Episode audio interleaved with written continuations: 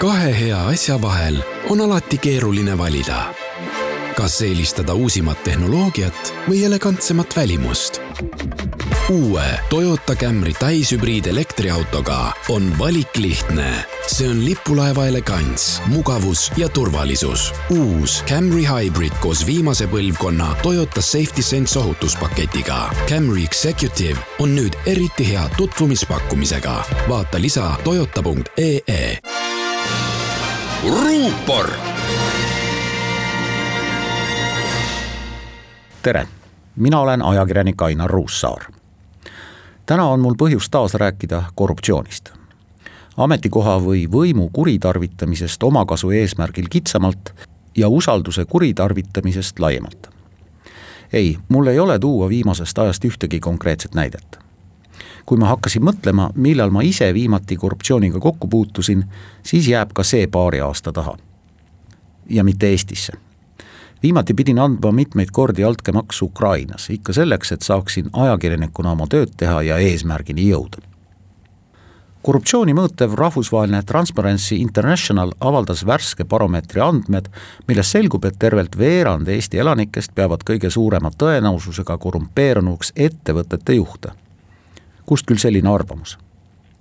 seda enam, et võrreldes viie aasta taguse ajaga on ettevõtete juhtide väidetav ebaaus käitumine ühiskonna silmis hüppeliselt kasvanud.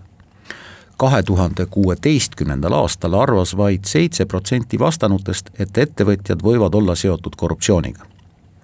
ilmselt on sellist suhtumist mõjutanud mitmed avalikkuse ette jõudnud juhtumid.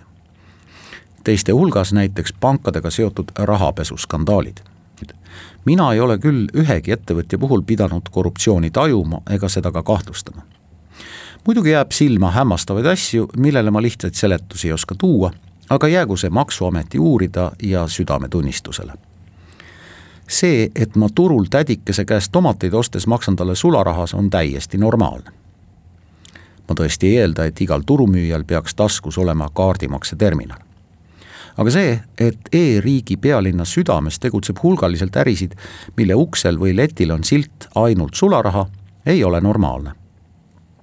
iga tõsiseltvõetav äri on piisavalt suur, et pakkuda kaardimaksete võimalust.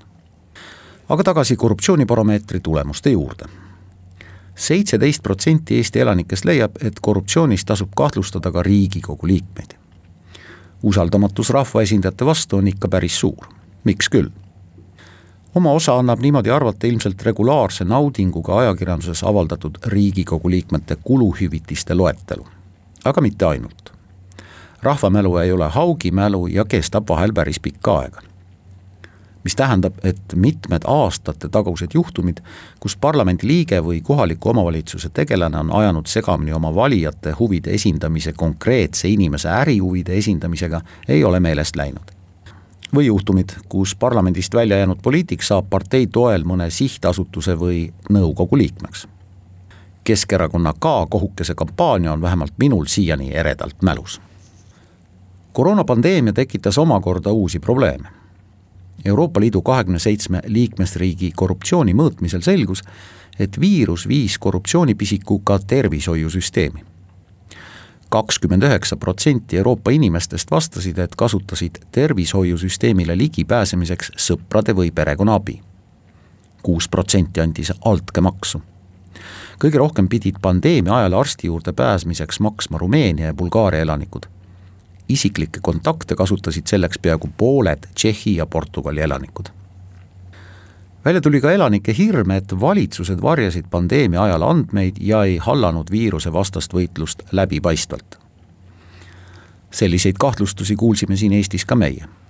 opositsioon nõudis peaminister Kaja Kallaselt korduvalt selgitust, miks Riigikogu liikmetele jagatud iganädalased koroonaülevaated kannavad märget ametialaseks kasutamiseks. üldises korruptsioonitajumise indeksis oleme me maailma saja kaheksakümne riigi hulgas seitsmeteistkümnendal kohal samaväärsed Islandiga. kui vaadata lõunanaabrite näitajaid, siis pole paha. Läti on kolmekümne viies ja Leedu neljakümne teine. Venemaa koguni saja kahekümne üheksas. kui vaadata esimesel kohal olevat Taanit ja kolmandal kohal olevat Soomet, siis on meil kasvuruumi küllaga. seda enam, et aastaga on Eesti korruptsioonitajumise indeksis tõusnud vaid ühe punkti võrra isegi see on teatud mõttes ime, kui arvestada, et poliitilise korruptsiooni kahtlustused viisid eelmise valitsuse tagasiastumiseni. Aastate eest juhtisid riigireformi algatajad tähelepanu sellele, et Eesti peaks pidurdama lokkavat ja vohavat seadusloomet.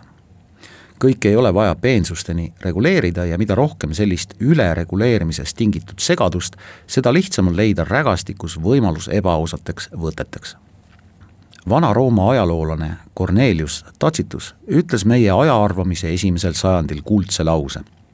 mida korrumpeerunum on riik, seda rohkem seadusi. See käis küll Rooma riigi kohta, aga on aktuaalne ka kaks tuhat aastat hiljem, kas pole? ruupor